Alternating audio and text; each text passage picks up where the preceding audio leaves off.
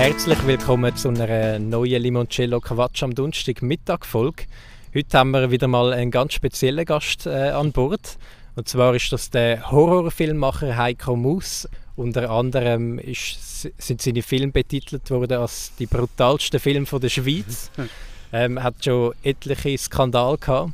Und jetzt äh, gerade mal zum Einstieg, Heiko, wer findest du cooler, der Papa Moll oder der Globi? Ha! Also das ist jetzt eine Frage, die ich nicht gesehen habe. Obacht, den Papa Moll finde ich toll. Den Globi finde ich ein Arschloch. Ah, ja? ich habe als Kind ein Globi-Buch gehabt, und zwar, wo er in Afrika ist. Und dort hat er ganz viele Tiere umgebracht in dem Globi-Buch, dass er sich damit Möbel machen Ah, wirklich? Und das hat ihm so fucking übel genommen als Kind, das war für mich durch. gewesen. ja, ja, ich, das wäre jetzt wahrscheinlich wertvoll, das Ding noch. Ja. Und der Papa Moll hat die Viecher nicht umgelegt. ja, genau. Ja, und äh, sonst bist du ja eben, wir haben es gehört, Horrorfilmemacher vor allem. Ähm, oh, du nickst nicht. Ja, ja, also ja, eigentlich schon, ja. Oder als, als was siehst du dich eher? Oh mein Gott, was, was mir da ablöhnt, das ist B-Movie, Trash. Also du würdest dich äh, B-Trash-Movie-Maker wie- nennen? Wie, ja, ja, wie, wie, selber Film gemacht haben wir noch nie ein Budget gehabt. Also kein einziger Film, also haben wir immer alles selber irgendwie dann müssen zahlen. Also darum kann man jetzt sagen, das ist Underground-Stuff. Ja. Und das ist natürlich Mainstream. Also B-Movie heisst eigentlich, dass, dass man nicht wirklich Budget hat und Genau. dann so ein bisschen etwas Ja. Man darf nur eine Kamera und ein paar Kumpels und dann sieht man, was dabei rauskommt. Genau, du hast ja ähm, den neuesten Film, also ist jetzt auch schon, glaube vier Jahre alt, oder? Oder äh, Keine zwei? Ahnung, mal zwei, knappe zwei, ja. Genau, äh, der heißt ja Nutshot ähm, und den haben wir jetzt gerade letztens geschaut und dann haben wir gedacht, äh, den Heiko, den müssen wir unbedingt einladen. Äh, das ist ja auch so ein bisschen im B-Movie, also kommt der daher, also so, das ist ja geschrieben Double Feature. Ja, die- das ist auch so ein Flickwerk, ja. Bist du nicht zufrieden mit dem Film? Das Ding ist, einfach, wenn man, wenn man da anfängt und einfach alles muss abkürzen, wie null Chance für einen Produzent. Wie meinst du aber kürzen? Ja, mit, mit der Idee, so können wir es machen Ah. und so. Und dann, oh, kein Produzent. Äh, Also, Also, weil, wir können das jetzt, fehlt ja, wir können jetzt gerade nicht. mal mit der krassen Maskenbild mal streichen, oder? Ja. Die ganze Szene auf dem Friedhof raus. Das ist halt dann, oder? Muss man sich auch immer Abstrich machen und Um was geht es denn eigentlich in diesem Film? das ist eigentlich nur Mittel zum Zweck. Eine Story, was ist eh nichts. Also, es ist ja nur so, dass man Grund hat, um die komischen Sachen abzufilmen. Ja, ja, was ist es? Komödie sehe ich das eigentlich. Also Also so dir ein Horrorkomödie eigentlich. Ja. Ja. Und Zombie ist ja so ausgelutscht, oder? Aber das ist das Einfachste. Ja. Also dir geht es eigentlich weniger um Geschichte.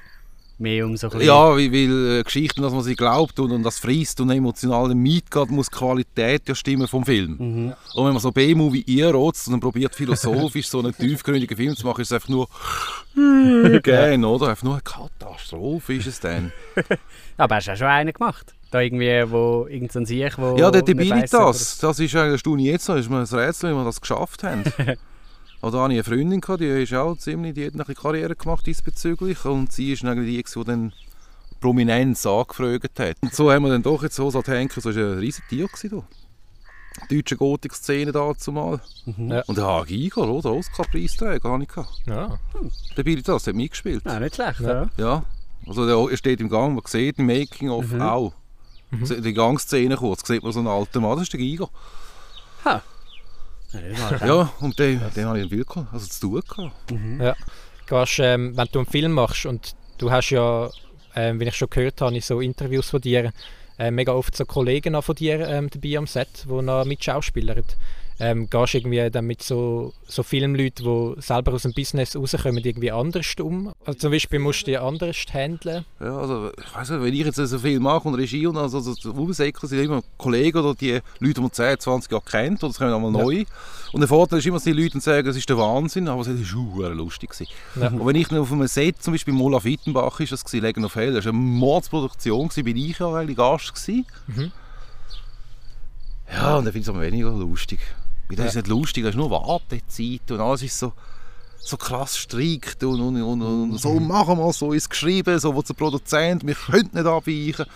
ja, das ist nicht so mies. Wie funktionierst du denn als Regisseur? Also, weil du bist ja allgemein so ein bisschen jemand, der gerne ein bisschen sagen wir mal, gegen das System Ja, ja, sehr, versucht ja. äh, zu spielen. ja, ja. Aber ich stelle es mir, auch ich mir auch mega humorvoll vor. Ja, das Also, ist ja eigentlich das, was alle gesagt haben im Making-of von Nacho. Es war Ja. lustig, gewesen. das haben Ja. alle gesagt. Ja, also, ja das, ist- für die ist es schon lustig, wenn ich meine Ausfälle bekomme. Ich reg mich dann mal auf, ich kann mich, ich kann mich mal aufregen, da da drehe ich fast ab, oder? Wenn so Ja. Pyrotechniker und, und, und, und, und geht in die Hose. oder der Schaufensterpuppe, bin ich auch fast durchgetrüllt. Auf den Kopf sprengen und die ganze Puppe ist weg. Gewesen. Also ich gewusst sozusagen, weil, weil du das Geld verballerst und nachher sieht man es dann nicht. Also, Nein, ich musste innerhalb von einem Tag neue Puppen organisieren für den nächsten Tag. Ja, ja, ja, die es halt alle lustig, oder? Wir sind aber alle bekifft von morgen bis am Abend, oder? ich finde es aber nicht so lustig, aber oh, mal, ich, oh, ich kann auch blöd tun. Also einen habe ich haben wir mal in der Schminke gehabt beim Film. Wie hätte der geheißen? Kurzfilm. Projekt Theresa. Mhm. Wo ich denen gesagt habe, wir machen einen Kunstfilm, dann habe ich Dreherlaubnis bekommen für den Friedhof im Mecken. Dann haben wir das abgelassen. Ist ja gleich, dann haben wir einen gehabt, der hat man geschminkt lang. Mhm. Und jetzt machst du die Szene und nimm Ja. das Kreuz ins Maul umgekehrt. Ja. Nein, das ist Gotteslästig, das mache ich nicht. Den habe ich gerade den Teufel gejagt. also ich habe durchgetrollt, oder? Hätte ihm gelohnt, dann können sie voran. Ja, nicht, dass noch, wir schminken oder so. Hätte ich können heimlaufen. Geschminkt, ist mir scheißegal gewesen, oder? Ich reg mich schon wieder auf. ja, meine Güte, das ist jetzt nicht so schlimm. Ein Kreuz ins Maul nehmen. Also bis jetzt, ja. Und wir kennen das selber auch, wir machen teilweise auch so Kurzfilme und das ist mega mühsam, wenn so Leute einfach äh, halt den Plausch haben, aber das Filmprojekt selber gar nicht so ernst nehmen teilweise.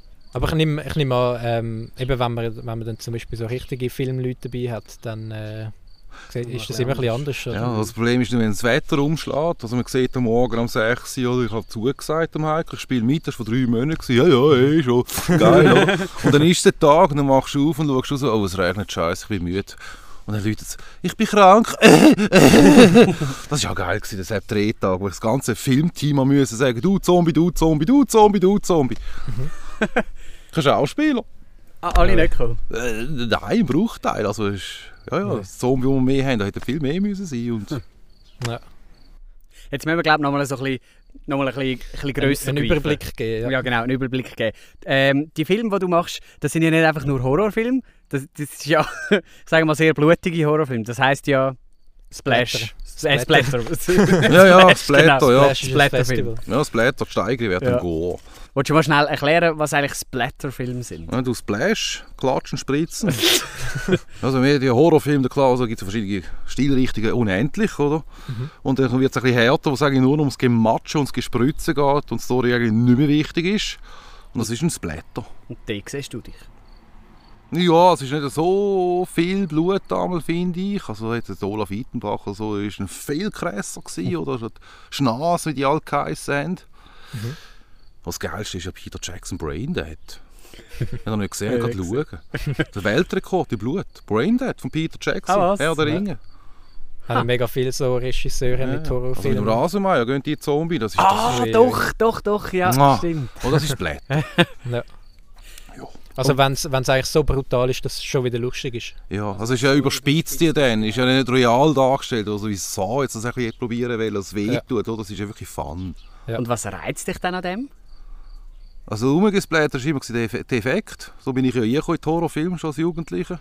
Mhm. Mit der Film, wie machen sie das? Und das war ja oldschool, das war ein, ein Handwerk, nicht so ein digitaler Wix wie jetzt, oder?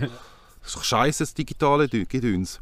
Also es ist eigentlich noch so ein bisschen alles, alles Blut, das man sieht, ist ja wirklich dort umeinander gespritzt und jedes Gedärm, das man sieht, Wie ist der ja Film am Set 300, oder? Blutige Scheisse, aber auf dem Boden, wenn man sich darauf achtet, kein Tropfen. Mhm.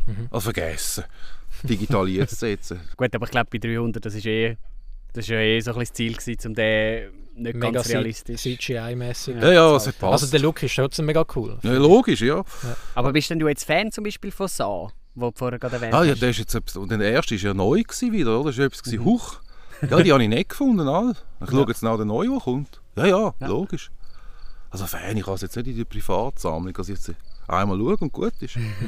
Ah, du bist mehr so äh, die Klassiker, wo, wo du cool findest. Also Also- ich drehe durch über Tanz der Teufel im Original, oder? Ja. Gut, natürlich auch die Serie Ash vs. Evil, der darf nur noch geil. Aber Was halt- jeder schon alt. Ja. Carpenter, die Alten. Oder ich bin dem Scheiß aufgewachsen. Und bei mir war das ein Lebensgefühl, gewesen, jung, oder? Geil, Horror, hui. Also ein Nostalgiegefühl kommt Ja, kommen da, oder die- da erinnert man sich an die Jugend, wo alles noch nicht so beschissen war. Also ist alles beschissen, gewesen, man jetzt noch nicht gewusst. Ja. Und dann war ich ja stolz. Gewesen. Apropos Jugend. ja, genau. Ich würde ich würd sehr gerne auf Projekt Fleisch zu sprechen kommen. Ui, ui, ui, ui, ui. Das ist ja ein Zeug. Hey. Ein, Oh. ein Film, den du gemacht hast mit ein paar anderen zusammen, wo in der Schweiz ja als, äh, als was, der brutalste Film von der Schweiz gegolten hat. In den Medien, ja. Also in den Medien, genau. Wie, wie ist es denn da dazu gekommen? Ist das, das ist dein erster Film, gewesen, oder? Das ist der erste, den wir gemacht haben. Ja, es ist noch witzig, ein Kollege von mir hatte auch so eine wie Horrorvideothek. Also ich bin ja jung, gewesen, bin immer so im Horrorladen und die haben einen Film gemacht, der geheißen Kori. Mhm. So ein Vampir-Horrorfilm. Ja. Und ich so voll, oh geil, haben wir den Film gesehen und dachte, das sind ja grosse Männer, gewesen, älter, wir sind ja jung, gewesen, oder? Mhm. 20 rum. Und haben so einen Rotz angegriffen. Und dann haben wir gesagt, wir machen jetzt auch einen Film. Und das war die Idee von Projekt Fleisch. Wir machen jetzt einen Film. Dann äh, haben wir, haben wir, also, Haben wir wirklich gekifft und, und, und aufgeschrieben. Oder auch eine blöde Idee. Oh, Ja. Melkmaschine wäre doch witzig. Oh, ja, aufschreiben. Mhm. Und, so, und dann haben sie es einfach gemacht. Und der ist ja dann bei den Teenies äh, von der damaligen Zeit, also wir reden da vom Jahr 2000 ungefähr, dort ist der ja mega gut angekommen so auf den Schweizer Schulhöfen. Ja, das war noch das Witzige. Gewesen. Also, wir haben, der Film war fertig, gewesen, endlich. Mhm. Und dann haben wir so, hui, oder? Da ist noch nichts mit Internet gross Werbung machen oder Handy, haben wir alles noch nicht. Keine Sau interessiert. Oder? Ähm, also ihr habt es ja nicht können auf eine Plattform hochladen ja, oder also so, weißt ne? Medien und so, haben wir den Film jetzt interessiert keine Sau. Ja. Dann sind wir auf die Idee gekommen. Jetzt läutet mir an den Fernsehstationen an, Mhm. anonym, Ah, sogar. Und geben uns aus als Erwachsene, die besorgt sind, wie sie bei ihren Sprösslingen ein Brutalo-Video gefunden Ah. haben. Nein! Das ist ja mega kreativ. Und, und das Ding ist immer noch, ein paar Tage vorher haben die Medien das The Theater gehabt wegen einer Paintball in der Schule, weil da Schule, äh, Gewalt ist da gewesen. Ja. Und so sind wir rein. Und dann haben wir das gemacht, unabhängig, oder? Ah, clever. also dann Ah, haben die die Stimme verstellt und gesagt, oh, Ja, ein ich bin bisschen, besorgter ja, Vater also- irgendwie. Das geht noch einfach. Sie wird ist der Müller, mein Sohn nicht da, oder? Ja. Ein paar Stunden später sind die Medien bei uns gestanden. Aber sind die sind aber gerade in die Videothek gesäckelt, Ja. wo der hat. Das haben sie herausgefunden. Mhm. Und so haben sie ihn und so haben sie uns gefunden. Oder? Kontaktdaten war ja alles da. Gewesen. Mhm. Und dann haben sie uns auseinandergenommen. Also was heisst auseinandergenommen genau? Also, die- also jetzt äh, dann ist Schweizer Fernsehen und äh, hat Ja, einen die Bericht sind- über euch gemacht. Ja, Schweizer Fernsehen. Übrigens, am Archiv gibt es wirklich eine Sendung von mir. Ich gewohnt habe hier. Ja. Leben in einem Horrorhaus, das ja so- Dann sind die gekommen und, die, und Skandal und dann sind ja die Schlagzeilen gewesen, Brutalo-Video auf Schweizer Schulhöfen. Mhm. Das war noch witzig. Also, so, ich bringe so zusammen. Der Einleiter, das ist immer drei, drei Themen. Französische Fischer jagen 300 Delfine in den Tod. Russisches Militär misshandelt Tschetschenen. Neues Brutalo-Video auf Schweizer Schulhöfen. Also, also gerade mal eingepackt und dann natürlich, oder, Skandal. Ja. Wo er selber erzeugt haben Und sozusagen. dann hockst du dann dort und weißt, kommt in den Nachrichten etwas. Ah, und, zu dieser Zeit hat aber der Film noch gar niemand wirklich gesehen. Nein, und dann hockst du das Junge und siehst, du wirst gefistet, oder? Mhm. So, fuck. Aber was haben ihr dann erwartet? Ähm, ja, also, also Negativpresse haben wir uns überlegt, ist gut, das ist gratis Werbung. Ja. Und, und das Klientel, so sind wir ja auch gewesen, Verbotsliste von den Film. Das ist ja die, gewesen, die ich gesammelt habe, Verbotsliste. Mhm. Und das muss ich alles haben, was auf dieser Liste ist. und so haben wir es dann gemacht, dass es so heftig ist von den Medien. Bin ich als Junge ein bisschen verschrocken, weil ich einen Tag später bin ich arbeiten und dann konnte ich heimgehen. Ah, was? Das stelle ich mir Ich war mega... Verkäufer, gewesen, mega oder? geil. haben sie gemessen? Ja, logisch. Ah, gerade so. Ja, das ist ja weitergegangen. Das ZDF ja noch gekommen. Dann bin ich geschult im Erfurt-Massaker und so Scheissdreck. Es hat ja nicht aufgehört. Ah, was? Im Facts drin gewesen. Äh, Der Wahnsinn. Voller Talksendung. Mhm. Wo ich auch noch mal einen rausgehauen, der gar nicht gut war. Als Ah, du Polizeibeamte als Mensch. Bist du, Ja. bist du dort in der Sendung gewesen, beim Vorlesen? Ja, ja, wo ich nur aufstehe und sage, als Polizeibeamte, als Mensch sind die Filme Sauerei. Ja, ja, genau, ja. Ja. Und der Vorder, äh, äh, gerade fertig gewesen, oder? Ja, Aber-. Aber ich meine, da brauchst du ja recht Selbstvertrauen, wenn du da beim Vogler in die Sendung gehst und dann da noch schlagfertig irgendwie... Also vor allem, wenn, wenn so das Medienecho kommt, ich, ich äh, stelle mir das Ja, ist der Ruf erst ruiniert, lebt er sich dann ungeniert. Das ist eigentlich, das habe ich ziemlich schnell gelernt. Also, das ist jetzt ein Vorteil jetzt, und das habe ich jetzt ja rein. Was das Umfeld von mir denkt, ist mir scheißegal. Mhm. Also, es ist mir egal, weil die- das Umfeld denkt ja eh nicht. Also eben, mir ist es egal. Und Aber- das ist eben der Vorteil. Und ich habe ja keine Rechtfertigung, so wie ich lebe. Es ist ja nicht so, dass ich eine Frau habe und zwei blöde Kinder und dann äh, muss mich halten an Regeln, Weil sonst könnte ich ja einen Job verlieren, dann muss ich zu der Frau haben und sagen, du Schatz, äh, ich bin Ja. arbeitslos, willst du ins Maul nehmen? Dann sagt sie, schläft er eigentlich, oder? Aber damals hast du ja zum Beispiel sicher noch Eltern gehabt, die es vielleicht nicht so geil gefunden haben. Was ist denn Ja, ja, nein, die, Aha. die haben es überhaupt nicht lustig gefunden, dass ein Sohn Karriere macht im Fernsehen so. Das ist natürlich auch nicht, äh, aber Aber du hast ihnen können erklären Nein, sozusagen, sie haben sich daran gewöhnt. Wie dann sind ja so Sachen, wo dann so Auftragsfilme, wirklich anspruchsvoll Schulungsfilme und, und, und so Sachen habe ich auch gemacht. Ja. Und das haben die ja super gefunden. Und dann ein eigenes Laden über 10 Jahre, das verhebt hat. Und die Videothek sind einfach ausgestorben, die müssen hören, oder? Also du bist, ist das die Sendung, die du bei äh, Star TV gemacht hast, oder? Ja, da hatte ich noch eine Fernsehsendung, gehabt, da habe ich meinen eigenen Laden gehabt, Psycho Horror Shop, also der Laden, Ja. die ganz verbotenen Wenn, Filme. wir- wenn wir schnell, äh, schnell äh, so eine Timeline Zeit- zeitliche machen. Timeline Ja. machen, genau, das ist jetzt alles so ein bisschen durchgemixt, man weiß nicht, was ist wann gekommen. Aha, Also zuerst ist ja das Projekt Fleisch gekommen, dann ist das riesen Medienecho gekommen, du bist beim Vorler im Jahr. Und dann äh, haben wir noch dann Film gemacht, Karriere losgegangen, äh, genau. mehr. Ja. Film, Film, Film gemacht, Musik ja auch noch, also mit Bands ist auch losgegangen, also wir haben Konzerte, gegeben, also Holla die Waldfee. Ja.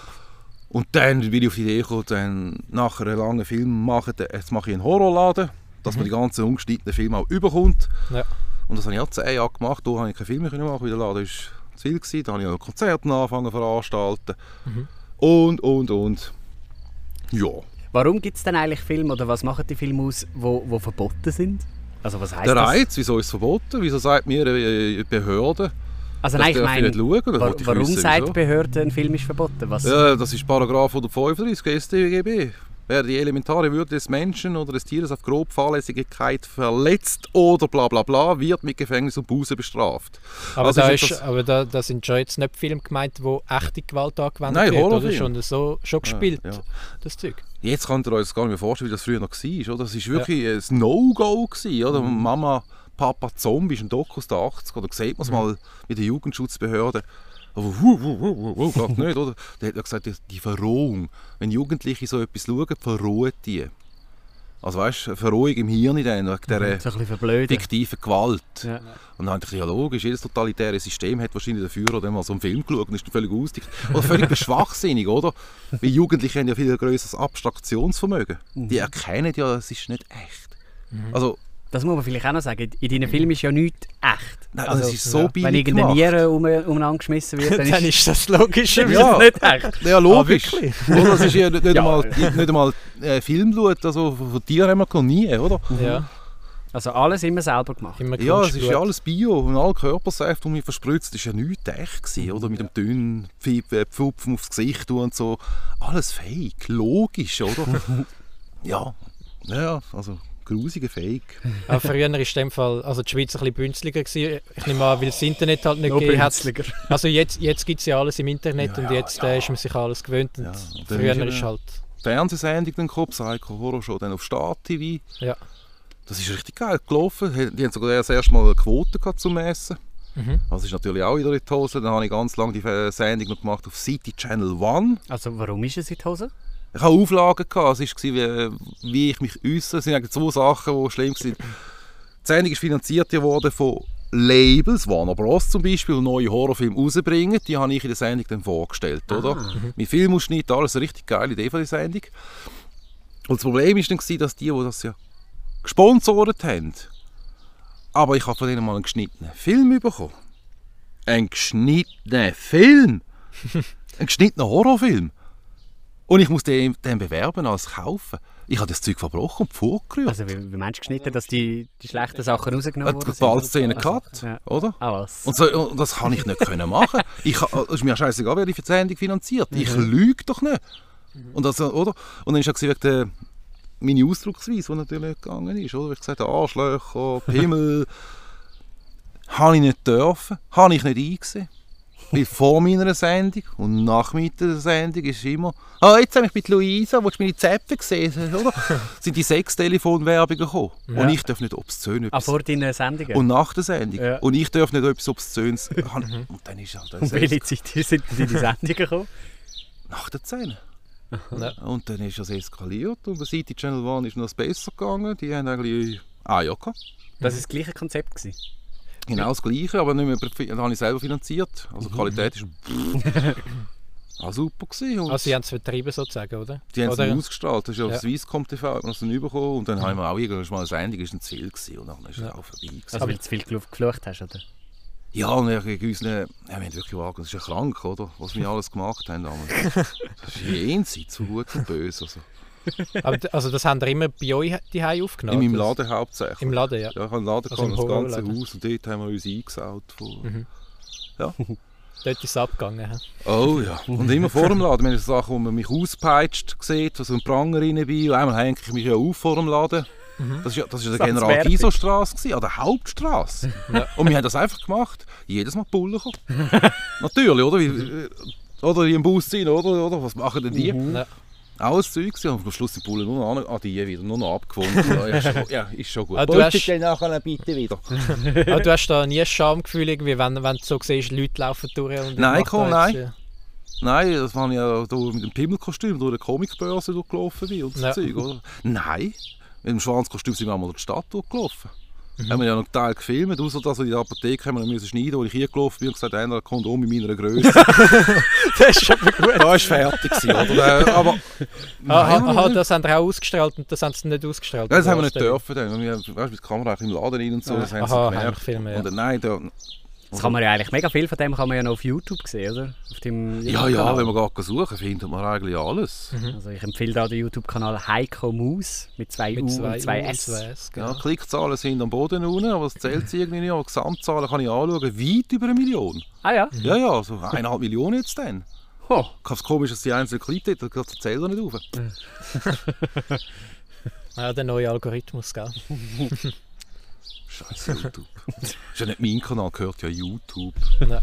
Du hast uns äh, vorhin noch so eine kleine, äh, also du wohnst ja in so einem Bauernhaus Oh, ja. und hast uns so eine kleine Führung gegeben. Das sieht ein bisschen aus wie ein Museum mit all den äh, Filmregalen und Plakaten und unterschriebenen Autogrammkarten. Ähm, zum Beispiel, äh, was haben wir gesehen? Vom äh, Die Hard 2 äh, Regisseur, der hat unterschrieben gehabt. Jetzt weisst du Namen nicht mehr. René Jetzt ja. die Namen nicht mehr. Besser nicht angefangen aufzählen. Nein, auf jeden Fall, ähm, du hast... Alien auch. Ja. Äh, du hast erzählt, gehabt, jetzt habe ich den Faden verloren. Die hast getroffen, die Leute. Genau, die Ja. hast getroffen, gehabt. das Oh, war mein ja. Punkt. Gewesen. Du hast ja selber so äh, Interviews gemacht mit so Horrorfilmemachern und so. Zu welcher Zeit, wo kann man das einordnen? Das war auch noch gewesen, Laden, Sendung, noch darüber aus dann. Ja. Und es ist ja immer gefilmt worden, die Interviews, die wir dort gemacht haben.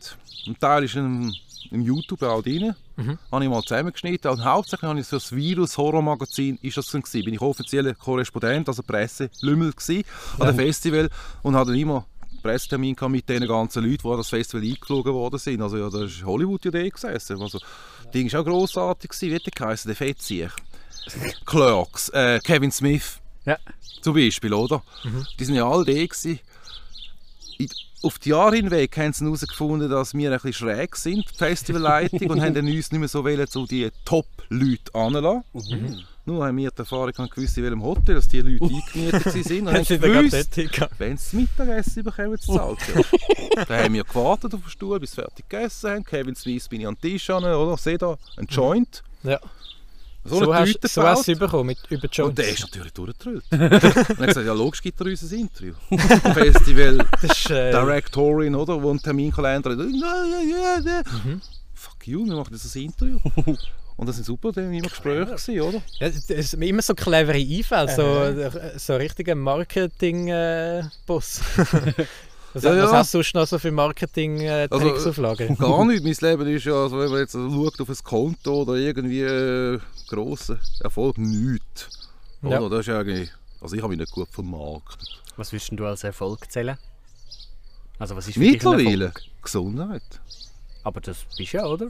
Oh ja, fuck, bin ich gesund. Das hat mich ja geschlissen, die, der Natschat dann, oder der Wahnsinn, hat mich also gesundheitlich gesch- äh, geschrottet. Also mental oder? äh, Mental, körperlich, also das war der Wahnsinn. Gewesen. Also, und dann habe ich herausfinden, es gibt mehr und die Ernährung müssen umstellen. Nur noch Bio, Alltag Fitness. Gut, so Zigarettensaugen ist noch ein bisschen blöd, aber das kriege ich auch noch weg. Also. Aber ich meine, äh, du wohnst da auf dem Land, es sieht mega schön aus mit dem See rundherum, die Luft ist schon mal gut, wo du einschnaufst. Es ist herrlich. ja. Und das ist die Ruhe, die ich nie gefunden habe. Habe ich jetzt da draussen gefunden in der Natur. Komisch, jetzt habe ich mir so alt werden, um das herauszufinden. Aber was hat dich denn so dermaßen geschlucht bei Natschat? der absolute Wahnsinn, einen Film zu koordinieren. Wir haben doch über 100 Leute daran geschafft. Die musst irgendwie an den Tisch bringen, alles ohne Kohle. Ja. Und es ist alles in die Hose. Es ist fucking nochmal alles in die Hose. Wir haben eine Drehlocation gehabt, die Altspinnerei in Bülach. 20 Jahre Industrieruine. Das Drehbuch angepasst auf das. Eine Woche vor Drehbeginn ist das Ganze verkauft worden, ein Investor, und hat uns rausgeschmissen. Ah nein. Ja. Zweite Location, Drehbuch angepasst, auch so eine Industrieruine, brennt die voran ab. Also nur so. Also, äh, nur so. Der, der Wahnsinn. Und das Aber- über Jahre. Ja. Äh, jetzt haben wir aber auch mega coole Kulissen, finde ich. Gut, ich habe jetzt natürlich den Ver- Vergleich zu den anderen äh, nicht. Ich weiß nicht, ob die irgendwie äh, noch cooler gewesen wären. äh, wo haben ihr denn jetzt äh, gefilmt? Ah, dort, auf der anderen Strassenseite, hat es eine Kiesgrube gehabt, wie nach einer äh, Runde in der Schweiz die Location anschauen und zum feststellen, dass es nicht möglich ist, eine offizielle Dreherlaubnis zu bekommen für eine Industrieruine, auch wenn man die Haftung übernimmt, wenn etwas passiert, jetzt kommt der WG-Kollege an, easy. Sind wir daheim geguckt, dann haben wir auf die Kiesgrube geschaut und gesagt, Scheiße, machen wir die Kiesgrube. Den mhm. kenne ich, oder? Ja. Jetzt gehen wir fragen, ob es okay ist und es war okay für den. Und Mhm. Und du Ja. hast ja vier Jahre lang für den Film gebraucht. der Wahnsinn, Das ja. ist ja, also, wie, wie kann man sich das vorstellen, dass das so lang geht? Ja, das Ding war ja noch gewesen, äh, lernen. Weil das plötzlich hat man einen HD gefilmt. Ich bin noch vom, vom, vom, vom normalen Bändchen. Kriegst du lange nicht mehr. Also Ja. ja. ein neues PC. Das Schnittprogramm, das ich geschafft habe, ich weiß nicht, wie es geheißen gibt es nicht mehr. Also wir müssen ein komplett neues Schnittprogramm lernen. Die Also ganze Entwicklung von der Technik, die wir müssen lernen Und das war mühsam für mich, oder, weil es nicht so interessiert hat. Ja. Also es ist gar nicht unbedingt der Dreh an und für sich, sondern auch vor und nachher, wo Das Nachher war es richtig heftig. Gewesen, oder? Und keine Erfahrung, viele Fehler gemacht bei den Voreinstellungen und musste beheben und dann musste ich Leute suchen, die mir irgendwie helfen können. Und meistens sind das Profis, die wirklich im Film arbeiten. Und die sind ausgebucht meistens. Das war immer so in der Freizeit gewesen, und dann musste man immer pushen, lang warten. Dann hat sich das so dermaßen rausgezögert. Die Musik war noch ein bisschen, oder alles selber. Haben wir ja müssen erstellen, wegen der Lizenz. Ja. Und darum ist es so. Ah, die, die, die, also die haben das selber, also wie, was heisst das selber erstellen? meiste ist selber komponiert und eingespielt. Ah, Ah. was? Ja, ja. Ah, Ja, ja. Wir haben wieder ein Aufnahmestudio, wo können wir jetzt das einspielen, wo irgendjemand, hat noch jemand von euch, wo wir noch günstig könnten. Mhm. Eine kleine, äh, kleine Anekdote, die ich noch lustig finde, äh, wo man auch sieht, dass er äh, lang gefilmt hat. Ähm, am Anfang des Films ist so Sommer oder auf jeden Fall, es ist noch nicht Winter. Und dann äh, gibt es so eine Szene und nachher ist plötzlich Winter. nachher äh, sagen die irgendwie, ui, den Klimawandel gibt es ja wirklich. Oder irgendwie so. Ja, das ist ja so der Scheiß. Das ist eben auch, ja, Making of mich schon aufgeregt. dass der Hauptfilm war von gewesen. Äh, das ist der Wahnsinn. Das Und dann musst du ja der das ist alle? Leute auf ein Set bringen und das Wetter muss gut sein. Und dann heisst es, es ist super, ist super, ganz sicher. Und dann haben wir Schnee gehabt. Das war ja Frühling. gewesen. Da hat es einfach nochmal Schnee angerührt in der Nacht. Ah, Aus dem? Nichts. Ja, morgen um 4 Uhr müssen wir Schnee schaufeln. Und dann wieder denkst du, Scheiße, wir haben Schnee. Und das war gar nicht vorgesehen von wettertechnisch. Über wie viele Tage haben ihr dann gedreht insgesamt? Über zwei Jahre. Weil ich zum. Teil, die eine Kamera haben ja gekostet. Es hat mir gekostet, Mhm. weiß ich wie viel, 40 Reis oder 50 Reis habe ich rausgeballert. Und ich habe es immer müssen zuerst wieder verdienen. Also schaffen, schaffen, schaffen, schaffen, schaffen, schaffen, schaffen. Hörnli fressen, Hörnli fressen, nichts mehr ausgeben. Ich habe wieder das Bündeli. Yay, wir können filmen. Aha. Darum ist es so lang krass. gegangen. Schaffen, filmen, schaffen, filmen, schaffen, Ah, was? filmen. Und das war so krass gewesen, über Jahre. Ja. Und das hat mich völlig... Also das Teure bei so Film ist ja wahrscheinlich vor allem so ein bisschen der, der ganze Splatter-Teil, oder? Ja, die ganzen Make-ups, die so. sehen so geil aus. Ja. Ja. Zum Beispiel gibt es eine Szene, wo äh, einer sieht ein bisschen aus wie der Freddy Krüger. Oh ja, der ist gut Hut an gekommen. und der, der kokst dann. Ja, die, der, der hat Rindler gemacht, glaube ich. Ja, ja, der sieht richtig gut Das ist aus. meine Lieblingsfigur. Auch noch fies. Dort haben wir einen Schauspieler, den wir immer verwendet haben, die ganze Jahr der geisteskranke Claudio. Das ist, der ist wirklich, der hat einen der Waffeln. Oder haben wir ab und zu den Rheinau dürfen ausholen für den Dreh. Ja. Und dann wieder versorgen. Gut, und der hat, dem hat man das Gesicht abgegossen. Wirklich ein Abdruck vom Gesicht, alles perfektioniert. Aha, Und am damit dass Tag- dann die Maske Ja. passt dann. Und an dem Tag, wo wir ist der nicht gekommen. Ah was? Nicht auffindbar. Verschwunden. Ui nein. Und dann bin ich da gestanden, haben das Gesicht von dem und dann, äh, du musst spielen. Du passt es nicht wirklich zusammen. Aha. Eben auch, alles ist in die Hose. Ah scheiße. Ja. ja, wir haben gar nie erwähnt, das ist ja, oder haben wir es erwähnt, dass es ein Zombie-Film war? Ja, Äh, Zombie. Zombie-Film, wo er, wo, wo er die Zombies runterballert und so. Mit Klimaerwärmung. Und dann war das eben spontan. Gewesen. Wir kamen aus der Tür, haben Schnee und dann ist es so spontan gekommen. Das muss dieser Klimawandel sein. Warum liegt hier Schnee? Das ist noch ein alter Wink an die gute 80s-Porno-Zeit. eben. Warum liegt hier Stroh? Ja. Aber eine Maske hat niemand auch gehabt. ja, sehr spannend. Sehr, Ja. sehr spannend. Ich frage mich, ähm... Jetzt habe ich den Faden verloren. Sorry. Etwas zum, etwas zum Film Nachos. ja, ich wollte irgendetwas noch zum Nachschat fragen. Ja, wir warten, oder? Ja, Wir können ja äh, schneiden.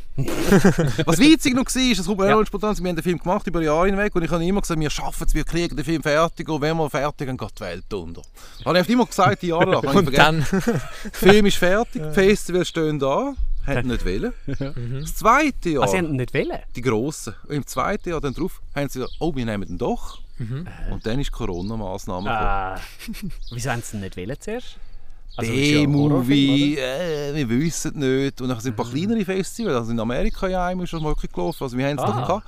Und dort war dann, oh fuck, völlig durchgeknallt. Und dann haben die anderen Festivals wählen. Mhm. Und dann ist eben das Festival, pff, habe ich sozusagen recht gehabt, dann geht die Welt in Lockdown. Also ist er jetzt eigentlich... Wartest du eigentlich nur darauf, dass du ihn wieder kannst irgendwo einsenden Habe ich gar keinen Bock mehr. Aha. Also ist mir einfach nur noch gleich. Ist das wieder durch? ist äh, Ja, es ist abgeschlossen mit dem. Projekt. Oder Ja. Erfolg. pff, Oder, also, Ja. Nein, nein, ist gut. Der Film musste fertig werden. Das ist der Erfolg für mich, dass der Film Mhm. ist fertiggestellt wurde. Yay! Und das langt. Du hast ja mal im Making-of gesagt, du hast erst Freude am Film, wenn, du- wenn du heimgehst und das Zeug auf dem Computer Ja. hast und nicht am Dreh selber. Ja, und Also der ist der Wahnsinn. Es hat ja mehr Leute gebraucht. Also wenn man einen mitspielt, eine Kamera macht, und dann noch das Blut umspritzt und eine Regie macht o- Mhm. und das Licht, das ist zu viel. Ja. Und dann, dann verlierst du alles ein bisschen. Und dann, wenn dann, dann ist es wirklich mühsam, stressig, anstrengend und das Catering muss noch an und die Leute haben Hunger. Hey, die Scheisse haben wir verstopft, wo soll man anschiessen? ich weiss es doch nicht, schiessen den Garten. Oder? So scheiß die ganze Zeit. Und dann freut man sich, wenn der Traktor ist, wenn man die Hause und die Aufnahmen schaut. Dann ist es so, ah. Und wenn man genau schaut, oh fuck, ist alles überbelichtet, fuck. Ja, das kenne ich.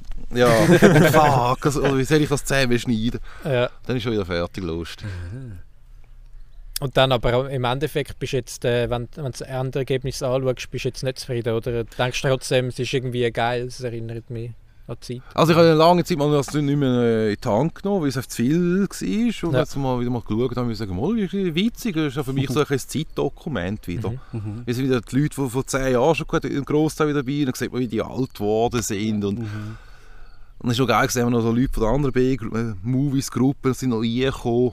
Und es hat sich auch etwas daraus entwickelt. Also in Zürich machen es seit unserer Premiere im Kochareal ist immer Trash Night jetzt. Aha. Was so Underground oder sonst Horrorfilm zeigen.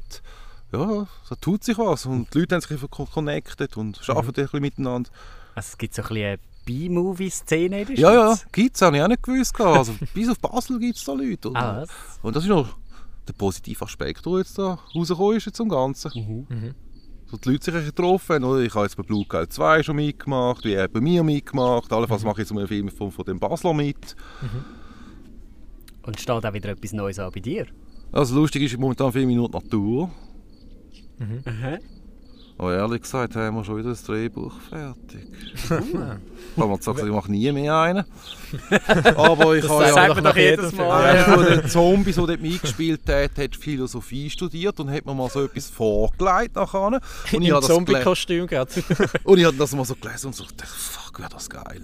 Aber es wäre nicht etwas, das wäre nicht lustig. Also, das wäre dann so ein Arthouse dann. Also, Nochmal etwas Neues. Ja, aber ich muss jetzt noch mal das, das Leben nochmal neu sortieren, alles wieder aufräumen.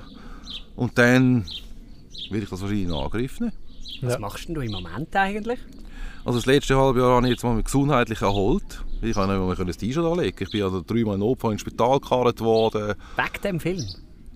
Also es hat sich das entladen dann kurz darauf runter, ist dann hat es mir da hinten alle Nerven abgeklemmt im Rücken und so. Also ich habe Körperhaltung fast jahrelang, zu wenig Schlaf, Stress, äh, scheiß Ernährung, zu viel Drogen und das hat sich BOOM! Und Also dann Schlag, denke ich. ja, habe ich längere Zeit gebraucht, um mich zu erholen, habe ich dann immer noch geschafft. Und das jetzt ein bisschen ausgetüdelt. Und es jetzt einmal genossen, das erste Mal, seit dem Wahnsinn. Und laden und leben und nicht müssen arbeiten. Ich habe ja durchgekrüppelt als normaler Job und nebenbei meinen Scheiß. Mhm. Und jetzt einfach mal ein halbes Jahr nichts machen, das war eine neue Erfahrung. Gewesen. Und hat gut da. Ja, ja, ich habe jetzt Zeit zum Bücher lesen und, äh, mich um alles andere zu kümmern, oder? Wie ich Mhm. Den vollen Lohn noch hatte, ich war freigestellt. Mhm. Und jetzt muss ich da schauen, woher das Kohle kommt. Jetzt habe ich überlegt, mal stempeln, aber schießt mich auch an. Das kann ich auch wieder arbeiten. Oder drüllst äh, Werbefilm. Oder wäre das nicht? Ja, da, also allenfalls gibt es jetzt so eine Chance, dass ich jetzt wirklich dann das Geld verdiene mit der Filmerei für eine größere Firma, die eigentlich dann für neue Systeme und wie sagt, man, mechanische Abwicklung in Schulungsfilm könnte brauchen und immer externe Kohle haben. Und da ich ja Mondeur mich bin und Filme kann, überlegt sich jetzt die Firma ernsthaft aufs nächste Jahr, hm, dann hätten wir den eigenen Filmer im Haus und das würde Ja. ich dann auch gerne machen. oder? Aber Das das ist noch nicht klar. Nein, aber wir haben schon viel geredet und so, aber das sieht gut aus aufs nächste Jahr. Und kommt jetzt noch darauf, was sich entwickelt, weil ich habe denen gesagt, ich lege keine Windeln an. Einfach nicht. Und, und, und wenn es Impfen immer so ein Thema sollte werden am Arbeitsplatz, fuck you. Mhm. N nicht. Oder? Und wenn das noch möglich ist und so, kann man da was machen. Und du lässt dich allgemein nicht so einschränken. hä? Bist ein Freigeist. Also ja, eben, also, also, Gedanken sind frei bei mir sowieso. Ja. Und es ist ja schön, wenn, wenn der Geist im Wandel ist, also die Auffassung, oder? Weil entwickelt sich weiter. Zum Teil ist man so eingestellt gewesen, und dann wird das entwickelt, oder mir hat das so gesehen, und dann sieht man es jetzt anders, dass es möglich soll bleiben, dass man Perspektiven kann wechseln kann und nicht festgefahren muss in seiner ideologischen Bubble bleiben. Ist das spannend, oder? Geht es immer weiter. Und ich auch so, was ich denke, ob ich gefragt wird oder nicht. Und wenn jetzt äh, ein Kollektiv an einem Wahn verfällt oder alle machen das Gleiche, wie man Angst hat, was denkt der andere, und wir machen ja alle das Gleiche. Und wenn alle das Gleiche machen, muss es richtig sein, mache ich dann aber nicht mit. Mhm. Wenn ich dann sehe, was die machen, eigentlich bescheuert ist. Ja, und ich sage es an meinen Vorgesehen, so ich jetzt geschafft habe. Wenn es ein Double ist, dann sage ich es, ein Double ist. Wenn ich den Job verliere, pff, mir doch gleich. Meine Güte, oder? Aber hast du noch nie gedacht, so dass, dass vielleicht du bei gewissen Sachen falsch liegst? Oh ja, leck bin ich falsch gelegen. Hunderte Sachen. Meine Güte, habe ich schon Zeug. Ja, ja, wenn es mal Konflikt gibt mit irgendwelchen Leuten und im Nachhinein stelle ich dann fest, ui, fuck. Ja. Da, habe ich jetzt entschieden, da bin ich also kulant und melde mich dann bei der Person und sage, sorry. Ah, die, die Größe hast. Ja, äh, ja logisch, oder? Ich kann sagen, ja, ich falsch, oder? Ja. Ich bin double gewesen. Kein Das ist ja wichtig, ja. Also, Ja. wenn man viel austeilt, auch können nicht. Ja, logisch. Das, dann ja, auch sagen. logisch. Ja. Ja, ja. Und ich probiere es ja noch immer ein bisschen jetzt. Ich lerne, ich lese jetzt gerade das Buch Gewaltfreie Kommunikation. Dann Für mich verstehst du ja mal jetzt nicht mehr einfach drin. Ja, das war der erste Job, der, dass es nicht mehr so fucking mühsam wird. Und ich wieder Ja. kann Opfer da mit der Abmahnung ein Zimmer tapezieren. Nichts darf man. Ja, was ist eigentlich, was ist eigentlich bei Projekt Fleisch am Schluss geworden? Äh, Bist du da irgendwie ins Ah, Gefängnis fuck. oder irgendetwas? Nein, ich nicht, aber das ist ja bis auf Deutschland jetzt ausgeartet. Dann ist ein Buch geschrieben worden in Deutschland Sogar? Herrn Bettmann über Zensur in der Film, Horrorfilm. Aha. Und dann habe ich gedacht, hui, da muss ich meinen Beitrag leisten für das Buch. Die brauchen den Film für das. Fahre ich also über Grenzen, dass sie nicht beschlagnahmen und schicken von Deutschland ab. Dann haben sie mich gefickt am Zoll. Mit der Mhm. Projekt Fleisch Videokassette. Mhm. Und dann bin ich im Zoll in U-Haft gehockt. Ja, aber also wie, wie, also die haben dich aus Versehen einfach rausgezogen und dann gemerkt, oder haben sie dein Gesicht gekannt und Ein junger geschaut, oh, Double mit einem verbühlten Opel, lange Haare, Mädel, den nehmen wir raus. Ja. Aha. Oder Kiffer oder irgendwas. Und dann, ui, oder? Videos und dann noch Film und dann ist es losgegangen. Und Verhör, dann bin ich dann verrückt worden. Ich musste die Hosen anziehen, ey, ernsthaft und oder, mit Gummihändchen. Ah, was? Und dann habe ich, ist mir rausgerutscht, oder? Ich gesagt habe, geil, tiefer. und der Zöllner, der das hat müssen machen, hat das so nicht lustig gefunden. Da bin ich jetzt ein paar Stunden mal, ja, und dann gab ich nicht mehr auf Deutschland einreisen. Und dann hat die deutsche, die deutsche Staatsanwaltschaft hat eine Strafanzeige gestellt und und und. Mhm. Mit Gerichtsvorladung, die habe ich müssen auch machen in Deutschland, weil sonst hätte ich nicht mehr ausreisen können. Sonst hätte ich mich gerade einkassiert. Und dann habe ich von Deutschland müssen, von Gericht. Ja, und das war sehr mühsam. Gewesen, oder? Ich war jung, gewesen, hatte keine Ahnung, gehabt, Mhm. kein Schweizer Anwalt, wer kennt sich denn aus? Dann bin ich vor Gericht gesessen und Also dann bist du mit dem worden. Anwalt dort gesessen, gesessen und dann... Äh, Ja, dann bin ich verurteilt worden, weil die Gerichtsverhandlung hat man müssen unterbrechen, weil ich dann, ähm, der Richter, der da war, bin ich so aggressiv geworden, dem habe ich den Stuhl führen rühren, weil der hat meinen Vater beleidigt. im Gerichtssaal. Rein. Und da Ein bin ich, Richter? ja, wie Horrorfilmprojekt Fleisch. Und der Richter, der dann das Verhör gemacht hat, mich, ist bei fünf Sätzen bei Kinderpornos gewesen. Hä? Ja, das, Also die haben das auf eine Stufe gestellt. ja, das ist wirklich da, also so verpönt gewesen, es ist alles... Und das ist ein Ziel gewesen. Hat mein Vater interveniert und hat gesagt, geht's noch? Und dann hat der Richter, Sie sind hier drinnen nur Luft. Und dann ist es eskaliert, Verhandlung abbrechen. Krass. Ja, ist auch noch weit die Presse ist ja noch gewesen. Ich habe irgendeinen Presseartikel noch von dem Verhandlungsverfahren. Ja. Und dann ist weitergegangen, dann habe ich den Laden aufgemacht, dann habe ich, Gott verdammt, was jetzt, drei Razzias gehabt wegen verbotenen Film. Bullenkommando, Laden zu, Hausdurchsuchung, das ganze Programm. Dann habe ich es geschissen wegen meiner Werbebanner vor dem Laden. Die haben schon ein bisschen auf dich abgesehen. Ja, dann ist das verboten worden, weil, was ist gestanden? Ich habe den Ärger, sie die Filme. Auch nicht gut gewesen. Der Wahnsinn. Die Feuerpolizei hat es mir in die Tüte geschickt und die haben den blöd da. Also wirklich Vollgas. Das stumpft da nicht mega ab. Oder, Es oder macht einem- dann, also Nein, bei mir ist nicht- das doch Da fühle ich mich angegriffen, ohne dass es einen Grund gibt, dass sie mich so angreifen. Mhm. Und da stehe ich auf den, das finde das finde ich so ungerecht. Da, da kämpfe ich dann wie ein Berserk. Und ich bin auch gut gewesen, denn die letzten Verfahren habe ich ohne Anwalt gemacht. Ich habe den Staatsanwalt bodigt. Ich habe alles Retter bekommen. Der Laden ist ja nicht zugemacht worden, oder? Ja. Wieder- Ja, wieder- können dagegen heben. Ja, wie die Verbotsliste, die alle vorgelegt haben, das war von einem Verband. Gewesen. Seit wann darf ein Verband in Basel eine Liste erstellen, die juristisch geltend gemacht kann werden kann? Äh, Schleifzeit, darum heisst die Liste, seit hier, Liste der problematischen Filme, Anstatt. verbotene Filme. Aha. Und das ist vom Schweizer wie SVA, findet man das alles. SVA. Schweizer Video. Du hast dich einfach selber rausgeboxt. Ja, wir müssen, ja, ganz schlimm gewesen. Und sind ja wirklich viel verurteilt worden, da sind Bussen ausgesprochen worden, ich habe es ja mitbekommen, oder? Gewaltig. Wenn man dann wegen Tanz der Teufel 1000 Franken Bus muss zahlen. Und jetzt ist der Film ab 16. Ja, Ja, ganz Die andere Zeit sich geändert. Eben, das ist ja. gewaltig, Ja, oder? Das kann man sich gar nicht so vorstellen. Wie, wie kann man sich so einen Gerichtsprozess vorstellen? Da ist irgendwie so, so ein ri- riesiger Gerichtssaal und du bist dort allein, dann noch so ein äh, Staatsanwalt und der, der Richter sagt dann, also Heiko, komm, du hast recht. Ja, nein, nein, das ist eh nicht recht. Es sind immer so ein kleinere Verfahren. Also das eine, das dann ein bisschen gröber war, wo man einen Auflauf von den Horror-Freaks vorne aus, hat man den Einlass verweigert. Fan, also mega viele Fans Also dann, wenn Blutgeil vor Gericht müssen, sind wir natürlich auch mitgegangen. Oder? Wir haben uns Ja. unterstützt. Wenn jemand einen Gerichtsprozess hatte, sind wir vorne raus gewesen und, und, und fuck. Mhm. Und dann ein so gestört, ja. Ja. Rebelliert. Ja, aber es ist, äh, du wirst oft abgewatscht. Oder? So, Kommt ja dann auch darauf an, auf den Richter. Mhm. Aber in dem Sinne sehr mäßig interessiert mich eigentlich nicht. Ja. Weil ich dann können gegenstimmen, ich kann es dann weiterziehen. Und wenn sie mir den Film beschlagnahmt haben wegen Frauenfeindlichkeit, das war ein Jazz Franco-Film. Also, hast du in den 70er, 80er seine Muschi-Buschi-Filme gemacht. Und den habe ich ihn interviewt am NIF und habe ihm können sagen, ich muss vor Gericht wegen deinen Film. Wegen dem Vorwurf Ja. frauenfeindlich. Und du hast die verkauft? Oder? Ja, und der hätte man dann können sagen, Obacht. Er sagt für die Frauen. Wenn er einen Frauenknastfilm macht, will er das aufzeigen und er hat Ex-Knastfrauen extra geholt, dass der Film bla bla bla. Und mit dieser Aussage kann ich natürlich dann Gericht, was wollt ihr noch? Oder? Was wollt ihr noch? Und zum Teil Filme, die ich Busse bekommen habe, sind im Schweizer Fernsehen dem Tessiner gelaufen, umgeschnitten. Weißt du, Weltschweiz. Genau. Ah. Im Fernsehen, Schweizer Fernsehen, was wie der Sender jetzt heisst, okay. Und wenn ich es verkaufe im Laden, da im Winter, nicht okay. Mhm. Und die Widersprüche, dann bin ich alle durchgekommen. Also sie haben eigentlich Gründe gesucht, zum... Äh, Ja, ja. Und, irgendwie fertig machen. und die, die kommen ja beschlagnahmt, das sind Razzias. Das sind Beamte, die wissen doch selber nicht, was sie jetzt da müssen. die machen einfach Ja. ihren Job halt. Und die sind natürlich auf alles los. Ja. Eigentlich alles. Aber die Zeiten sind jetzt ein bisschen vorbei. Es ist ruhiger geworden in deinem Leben. Oder, oder müssen wir jetzt Angst haben, dass jetzt die Polizei da wieder ist? Ja, es ist ruhiger. Also das Leben, nein, es, es ist immer noch der Wahnsinn. Also es ist, Gott verdammt, ist alles der Wahnsinn. Oder jetzt ein riesen Krach mit dem Arbeitgeber, wo ich jetzt eine juristische Schlacht haben müssen führen. Also es hört ja nicht auf. Es ist, ich fange ja nicht an. Das ist immer, das Umfeld fickt mich.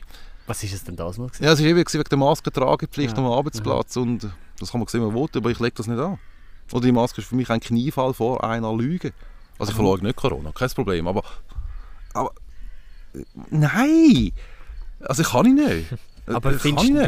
du, würdest du es nicht lieber in Kauf nehmen, einmal ein bisschen mehr Ruhe haben, dafür ein paar Sachen mitmachen?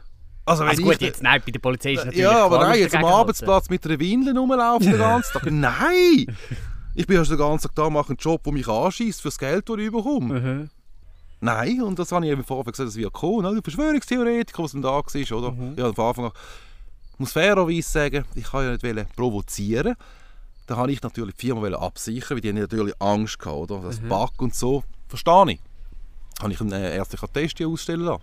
Dass ich das nicht darf tragen Mhm. alles gemacht. Mhm. Das hat man einfach nicht akzeptiert. Oder? Und hat mich dann wollen Freischluss künden auf das, aber dann habe ich mir sagen, so geht das nicht nach 10 Jahren. Ja. Schaffen. Ja. Und dann hat man sich da jetzt eine Lösung gefunden, tipptopp. Ah, da bist du zufrieden jetzt.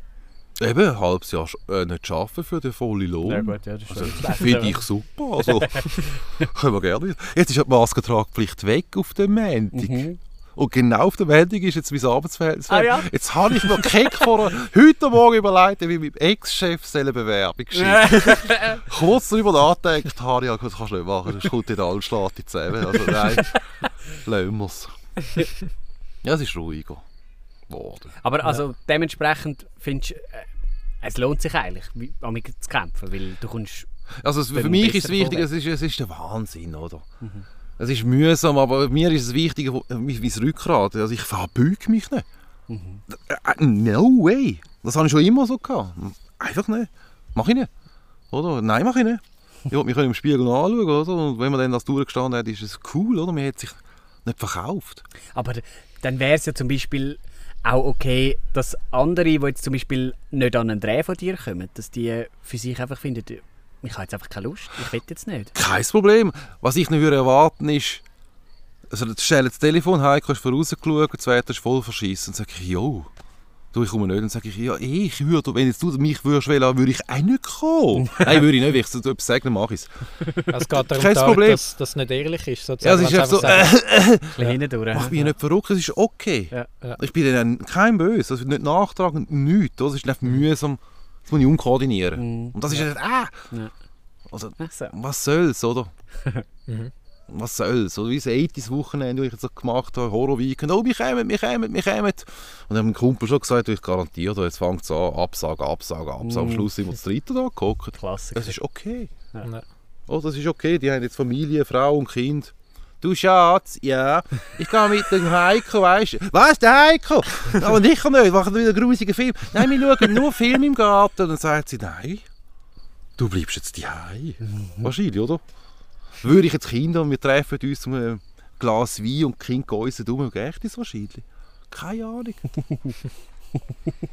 also alte Leute sind mühsam zum Zusammenkriegen für irgendeinen Schwachsinn. Ja. Dann haben sie ja Jungen noch einfach. Ja, macht es einfach. Ja. Und ja, wobei, es, Ja, man muss Zeiten sagen, sind auch anders. Schon? man muss sagen, unsere Generation ist auch unzuverlässig. Ja. Mega. Okay. Ständig schnell, schnell da abmachen und schnell, schnell wieder nicht mehr abmachen und so. Okay. Immer Also- so die beste Option abwarten Ja, genau. und dann etwas zusagen, dann kommt etwas Das Besseres. ist unglaublich mühsam. Es ist mühsam, eben, man kann nicht planen, wenn man etwas machen will. Ja. Oder? Und ihr macht ja etwas. Ja- Ihr könnt eure Freizeit investieren, um etwas zu machen. Wie geil ist denn das? oder? Das ist doch der Burner. Mhm. Ich finde so Zeug cool. Machen. Oder? Was ich noch cool finde, ist ja dein Auto. ja. Gibt's Der Leichenwagen. Bei Das der, ist ein bei der Ausführung sind wir äh, in die Scheune reingelaufen und haben dein Auto gesehen. Das sieht man übrigens auch im, im neuesten Film. Ja, im Willst du mal, Nutshell. willst du mal ein bisschen über das Ja, Auto also es ist erzählen? nicht mein Besitz, es ist, haben ja Wege da, da wohnt noch auch einer da. Ja. Und das ist seine. Ist das der andere Schauspieler aus dem Film? Der, Nein, der- das ist eigentlich unser Pyrotechniker. Das Ja. ist das immer, der klopft, seit wir Film machen, klopft das Zeug umeinander. Sein Ding, oder? Was interessiert ihn? Mhm. Und das ist sein Auto. Wie kommt man denn zu einem Leichenwagen? Ja, das ist, ich kann ja einen sagen in der Stube, wenn er den nicht gesehen Nein, Ist das ich nicht Gar nicht aufgefallen. Ja, da, Nein. ja wie es cool war. Wir sind, ja, wir sind zum auch im Alter voll Metal und, und, und Leichenwägen, all- alles, was, was möglich ist. Und das ist ein Oldtimer. Nein, nein, das ist schon das ist ein Oldtimer. Ich glaube, das einzige Modell so in der Schweiz, was es so gibt. Mhm. Darfst auch fahren, eigentlich, Mhm. ohne Ja. Wenn es angeht, ist es in der Regel öffentliches Ärgernis. Einfach, äh, du, du hast erzählt, äh, es kommt nicht so gut an, wenn du mitgehst. Ja, und. Früher in der Stadt, so hat man das kennt, ah, geil, oder? Und jetzt auf dem erzkatholischen Land, als Stadtmensch, es ist ja schon ein Skandal, wo wir da angezügelt sind, langhaarige Tätowierte, oh mein Gott, und dann noch ein Leichenwagen. Also, Bauern oben haben Angst um ihre Kinder, oder? Wir tun jeden Sonntag da irgendein Kind opfern. Keine Ahnung. Ich habe das Gerücht gestreut, dass wir schwul sind. Dann ist komplett fertig äh, und jetzt... Äh, Wie hast du das? Ja, in der Dorfbeiz erzählt man das auch laut. Und dann haben sie natürlich nicht Freude.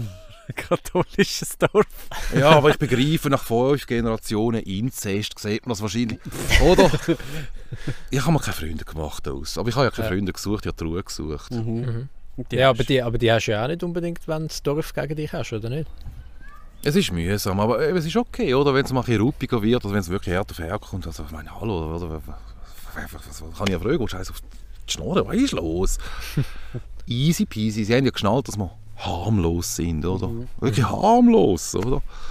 Also du, du tust keinem Kätzchen etwas zu leiden. Nein, ge- nein, ich bin Ghost nicht, oder? Nicht gewalttätig, nichts. Also, das würde ich nie machen, rumprügeln und so, alles. Never. Ja. Oder? Du hast äh, in einem anderen Interview, wo, wo wir geschaut haben, bei, äh, wie heisst es, SRF Virus bist du ja mal gewesen. Genau, ja. Dort, äh, dort hast du erwähnt, gehabt, du schaust eigentlich nicht so gern so ein bisschen so Hollywood-Film, so weichbügelte Hollywood-Film. Jetzt habe ich aber gesehen, du hast ein DVD vom äh, Back to the Future und du hast ein DVD von Iron Man. Das sind ja jetzt beides so Gut, Iron Man hast du oben gesehen, das fliegt raus, können wir Gras wie Back to the Future, wo oben steht, ja, das ist Hollywood. Aber 80s. Grossartig. Ja, ich, ich stehe auf die Scheiße, oder? Das ist ja Goonies, ich liebe den Film Ja. Gremlins, Das ist auch geil. Das ist, das ist innovativ, gewesen, das ist, das ist, das ist neu, gewesen, da ist was gegangen in diesen äh, Studios. Die haben sich was gewagt. Und was jetzt denn ist, in Neuzeit, ist nur noch ein Aufguss, Remake, Ja, ja, das ist es. Aber findest du das generell bei Horrorfilmen so? Es gibt zum Beispiel, kennst du Get Out? Ja, Den finde ich den zum ich Beispiel super. super. Der ist ja ein neuer Horrorfilm. Die haben sich auch ein bisschen etwas Neues getraut. zum genau, da habe ich auch gedacht, ui, mal etwas Neues. Ja. Nicht wieder aufbügelt. Ja. Läuft, oder? Yay, schaue ich gern. Aber eben, das meiste ist wirklich so lieblos. Und ich kann ja nicht anfangen mit den Cheddar Pang Film. Chatterbang. Ja, wie die alten Also so Filme. Explosionen. Ja. Ja. Ich habe gerade eine Diskussion mit einem Jüngeren, der findet Mad Max Fury Road den Burner. Mhm. Ist das der neue Mad Max? Ja, der neue ist Der ist richtig geil. ja. Der ist geil. Da habe ich ihm Ja. gesagt, wow, wow, wow. Original Mel Gibson, der zweite Teil. Und das ist geil, halt noch ein oder? bisschen mehr Hand gemacht. Und der hat nachher geschaut und abgestellt und gesagt, das ist zu langweilig, das ist alt. Mhm. Das wirst du ja noch. Ich sehe ja, den Unterschied und ich stehe als Neue Das, was das noch. kannst du halt fast nicht vergleichen. Das ist halt etwas komplett anderes, oder? Ja. Das ist ja wie wenn du eine Komödie und einen Actionfilm vergleichst. Ja, und eben, so, wenn es nur so digitales Gewitter ist, finde ich es schade. Ich stehe Ja. auf die Mhm. scheiß Animationsteile, oder? Wo so Ja. ja. unser Modell basteln. Mhm. Darum habe ich das neue Zeug nicht so gern, weil ich das Gefühl habe, das ist... Mhm. Was haltest du so von Body-Horror-Filmen? Zum Beispiel Die Fliege und so? Ah, Kronberg, die fliegen gross. Das Kino letztes Jahr mal geschaut und dachte, Gott, verdammt, ist ja hure blutig, oder? Brandon das ist ein Uhrenblut. Oder andere sich über das Zeug runterkiessen und das auflöst. Äh, grossartig. habe ich ja... Burner. Mhm. Oder? Es gibt einen, wie hat der geheissen? Brian Houston, Body Horror. Ich habe es vergessen. Ja, ist ja gleich. Ja, stehe ich drauf. So verschmelzen, grusig, weh. Also Hauptsache eigentlich, es ist, das Zeug ist am Set gemacht und nicht erst Ja. im Computer. Die Farbe Lila mit dem Nicolas Cage. Mhm. Wo alle Scheiße finden, habe ich grossartig gefunden. Oder? Völlig geisteskrank, oder? Hast du äh, Midsommar gesehen? Jo! Den finde ich geil zum Beispiel. Das Ja. ist ja nicht so ein klassischer Ja. Horrorfilm, Ah, sondern so mega ja. hell. Und Mir so. hat jetzt, äh, ich habe nicht so super gefunden, aber als Film, wenn man das betrachtet, grossartig. Und man Ja. sieht es nicht kommen. Mhm. Ja. Also weißt du, wo du Ja. den ersten runtergumpelst, so, so, so, fuck, grossartig. der war speziell, gewesen, ja. Ja. Das war auch wieder einer, gewesen, so, Nicht, Mm. äh, nicht so. Aber ich glaube nicht, dass also heutzutage einfach nicht, nicht mehr geile Filme gemacht werden, sondern vielleicht einfach so das, was im Kino so jetzt äh, gross läuft, so Fast and Furious Schrott. Aber das heißt ja nicht, dass es die Filme nicht mehr gibt. Ja, aber eben, es ist ein bisschen, Muss mehr suchen. Ja. Ja, logisch jetzt immer noch, es gibt immer noch, oder ein Kollege von mir, der sucht immer das Neueste, oder, wie heißt das komisch, Netflix. Netflix. Da hat es einmal Granaten drin, Ja. läuft. Da bin ich auch froh, jetzt Leute, die so Jüngere und so mir dann sagen, das musst du schauen, das musst du schauen, wie ich nicht mehr gehen, gehen suchen oder nicht Mhm. genau weiss, wie die das so, so Zeug finden, oder? ja, ja, eh, gibt es das noch. Ja. Ach, ja. Aber halt äh, die Nostalgie ist nicht so Ja, nicht mehr dabei. da ist nicht mehr so in die Videothek laufen und sich von den Covers betüdeln lassen, oder? Ja. Jetzt brauchst du Netflix und Amazon Prime und wie das alles heißt und der Disney Fuck Channel. Ich muss sagen, ich bin zwar jung, aber das vermisst selbst ich. Also ich bin ja auch noch mit DVDs aufgewachsen und so. Und ich habe früher immer als Kind so die Covers abgezeichnet, so mit, also selber eigene Covers gemacht zum Beispiel und das so aufgehängt. Das ist schon, ist schon cool, gewesen. Ja. Und vor allem war es aber eine Kunstform, gewesen, den 80er, 90er, die VS-Covers, oder? Das ist meistens gezeichnet, so alles hure cool. Ja. Das wollte ich dich sowieso noch fragen, bei deinem Nutshot-Film im neuesten, dort haben wir auch ein recht kreatives Cover. Ja, da haben wir auch gezeichnet, da haben wir wirklich Ja. immer gefragt, wer kann von euch einigermaßen zeichnen, oder? Äh, Läuft, Ich mach. habe etwas scheu gemeldet und du hast ihm gerade den Block hin. Äh, dann ist das gekommen und ich yay. Oder ich habe was ein bisschen anders vorgestellt, mehr 80s. Ja. Weißt du, das, äh, aber, Das was- sieht schon oldschool aus. Ja, also, aber es ist, es ist, die Person hat das so gemacht und, und immer die Leute bei mir jetzt mitgewerkelt haben, Mhm. geschafft haben, ohne Geld meistens, ist immer, habe ich gefunden, ist das Wichtigste, dass die ihren kreativen Anspruch müssen die dürfen behalten. Wenn schon sie ihre Zeit opfern für mein Projekt, dann zählen die auch ihr Zeug können einfließen. Darum Ja. ist es immer ein bisschen so, huh. Und Zombies sehen so verschieden aus. Ich kann denen keine Vorlagen machen.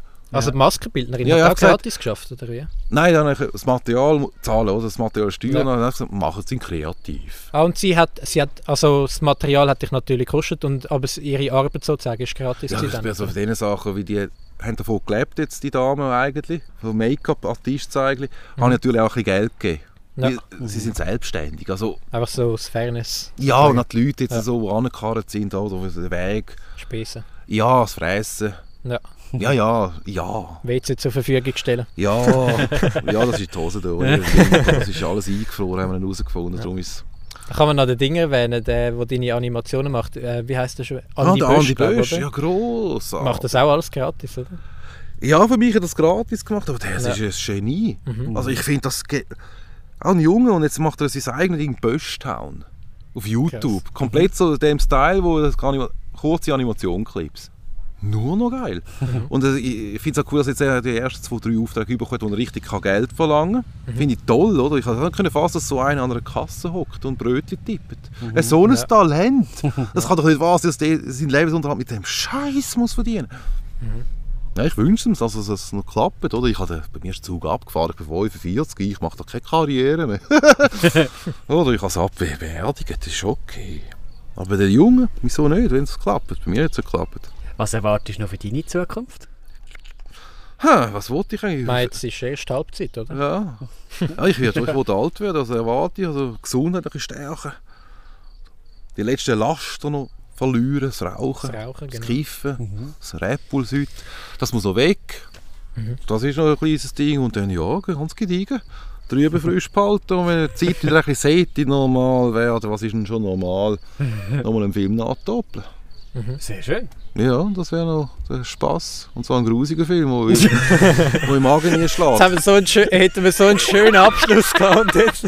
Aber, aber ähm, vielleicht noch ganz kurz äh, als letztes. Hast du echt noch eine richtig geile, lustige Anekdote? Du hast uns vorhin im Haus eine erzählt, aber die, die, die ähm, willst du nicht erzählen oder darfst du nicht erzählen.